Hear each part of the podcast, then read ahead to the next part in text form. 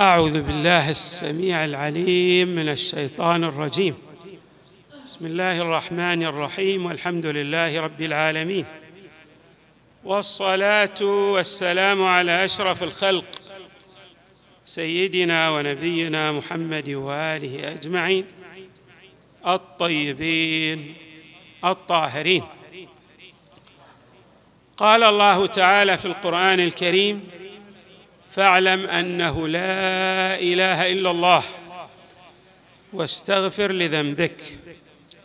صدق الله العلي العظيم. هذه الآية وعدة من آية القرآن الكريم تلفت نظر المؤمن إلى أمرين هامين. الأمر الأول أن في مساره العبودي من الضروري أن يوغل في معرفة الله بمعنى أنه ينتقل من معرفة إلى معرفة أخرى. كما نعلم أن المعرفة لله تبارك وتعالى على درجات.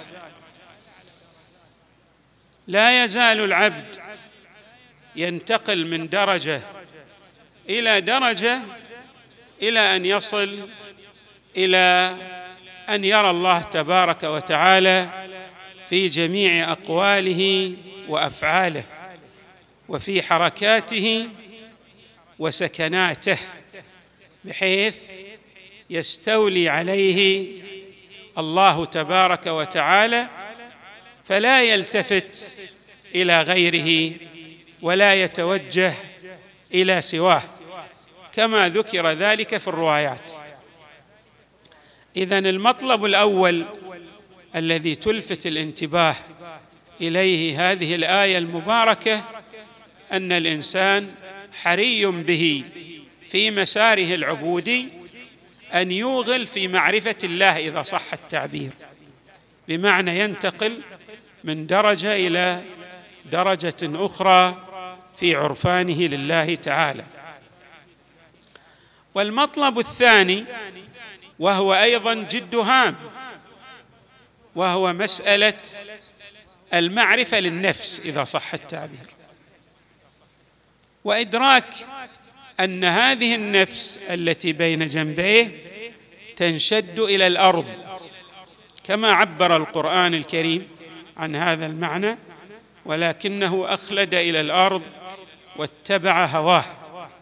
بمعنى أنه إذا التفت إلى الجنبه المادية التي تدعوه إلى الشهوات فسوف يوغل أيضا في تعلقه بالجانب الحسي بل ينسى الجنبه المعنويه فيحتاج إلى شيء يخرجه عن هذا التعلق الوثيق.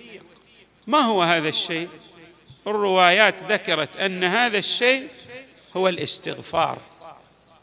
حري بالمؤمن أن يكثر من الاستغفار. بمعنى أنه إذا أدمن الاستغفار أكثر من الاستغفار فهو بإذن الله تبارك وتعالى وإن انشد إلى الجنبه الحسية ولكنه قادر بهذا الدواء أن يخلص نفسه من هذا الانشداد وأن يحرر نفسه من هذا الارتباط.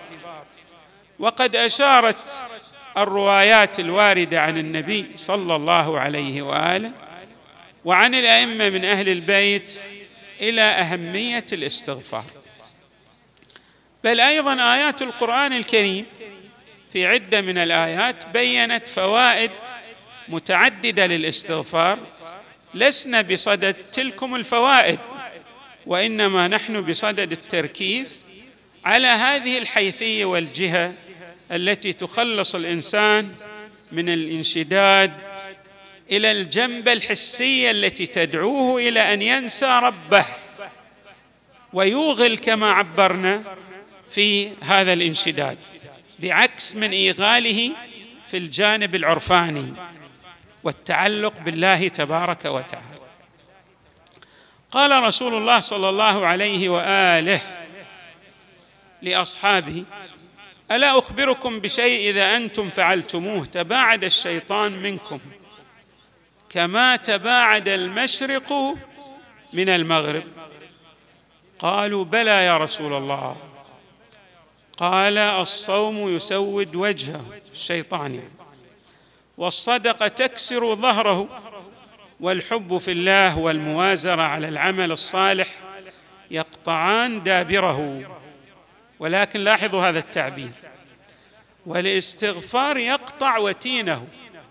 استغفار يقطع رقبة الشيطان. بمعنى أن الذي يخلصكم خلاصا حقيقيا هو الاستغفار. لأن الاستغفار يستلزم استلزاما قطعيا من لدن الإنسان أن يلتفت إلى تقصيره يلتفت إلى أنه مقصر وبالتالي لا يستعلي على الله تبارك وتعالى وإنما يذعن في عبوديته لله ويطيع الله تبارك وتعالى خاضعا.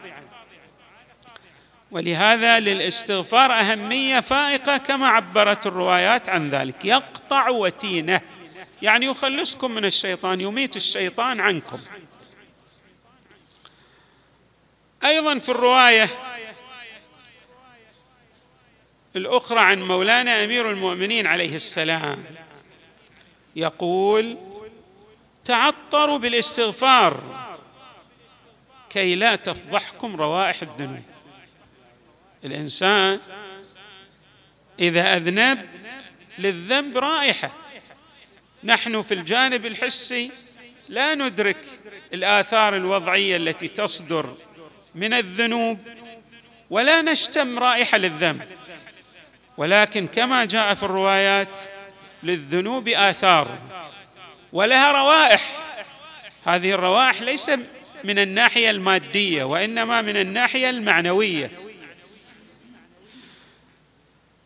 الإنسان ينهتك ستره لدى الملائكة وهذا أعظم القبائح للإنسان. يعني يعرف من لدن الملائكة. طبعا الله تبارك وتعالى من فضله من نعمه أن الإنسان إذا استغفر الله يغطي على تلك الذنوب ويغفر تلك التبعات. بل ورد في الروايات شيء لا تدركه عقولنا. إن الله ينسي الملائكة تلك الذنوب كيف الملك ينسى؟ هذا ما نعرفه. يعني عقولنا لا تدرك ذلك. الملك لا ينسى. كيف ينسى؟ بمعنى أن الله تبارك وتعالى يعني بقدرته المطلقة يجعل الملائكة لا تلتفت إلى ذلك الذنب. النسيان بعدم هو هنا لا بد أن يؤول بعدم الالتفات. لا تفضحكم روائح الذنوب. وأيضا ورد عن المصطفى صلى الله عليه وآله من أنعم الله عز وجل عليه نعمة فليحمد الله ومن, ومن استبطأ الرزق فليستغفر الله ومن حزنه أمر فليقل لا حول ولا قوة إلا بالله. شاهدنا أيضا أن هناك أثر للذنوب. هذا الأثر هو الرزق. أكثر الناس تلتفت إلى مسألة الرزق المادي وهو صحيح. وقد جاء في القرآن استغفروا ربكم إنه كان غفارا يرسل السماء عليكم مدرارا ويمددكم بأموال وبنين. الله يعطي الرزق بالاستغفار. غير أن الكلام أيضا في الرزق المعنوي الذي هو أهم وأعظم. الإنسان لا يحصل على الرزق المعنوي والمدد الإلهي والعلو في الدرجات وذلك الفضل الذي يؤتيه من يشاء بسعة رحمته إلا بإدمان الاستغفار كما جاء في الروايات.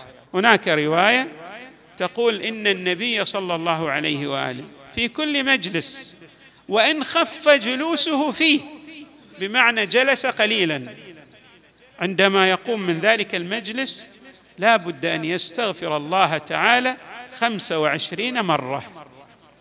انظروا وهو سيد الخلق يريد أن يعلمنا الارتباط الوثيق مع الله تبارك وتعالى بذكره بمعنى استشعار التقصير تجاه عظمة الحق تبارك وتعالى. نعم وقد أشارت أيضا بعض الروايات إلى أهمية الاستغفار من ناحية أن المستغفر لا بد أن يموت على توبة.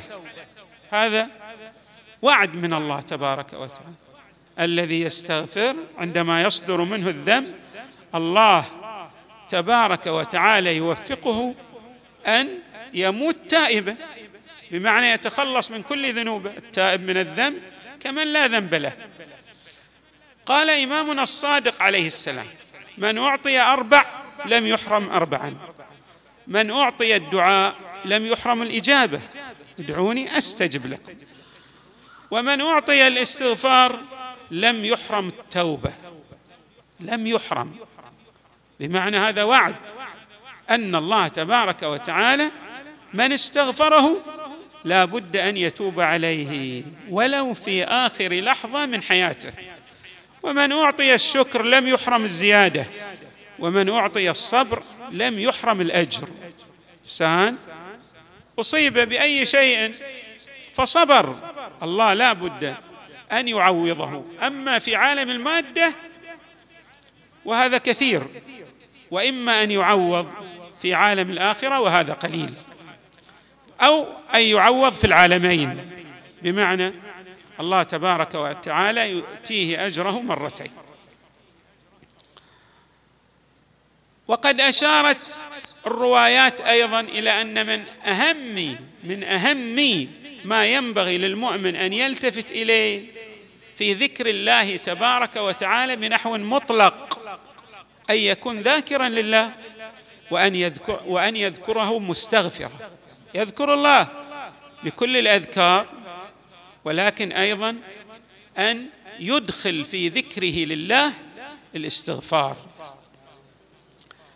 وبينت هذه الروايات أن هذا الذكر هو أعظم من دخول الإنسان في معركة وكون هذا الإنسان الداخل في تلك المعركة في الصف الأول من القتال. قال صلى الله عليه وآله لذكر الله عز وجل بالغدو والآصال خير من حطم السيوف في سبيل الله عز وجل. خير هنا بمعنى أعظم أقرب يوصلك إلى الله. وأيضا ورد عنه صلى الله عليه وآله لكل داء دواء ودواء الذنوب الاستغفار.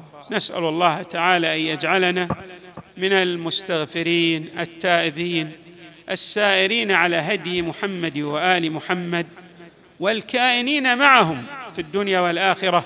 وصلى الله وسلم وزاد وبارك على سيدنا ونبينا محمد وآله أجمعين الطيبين. الطاهرين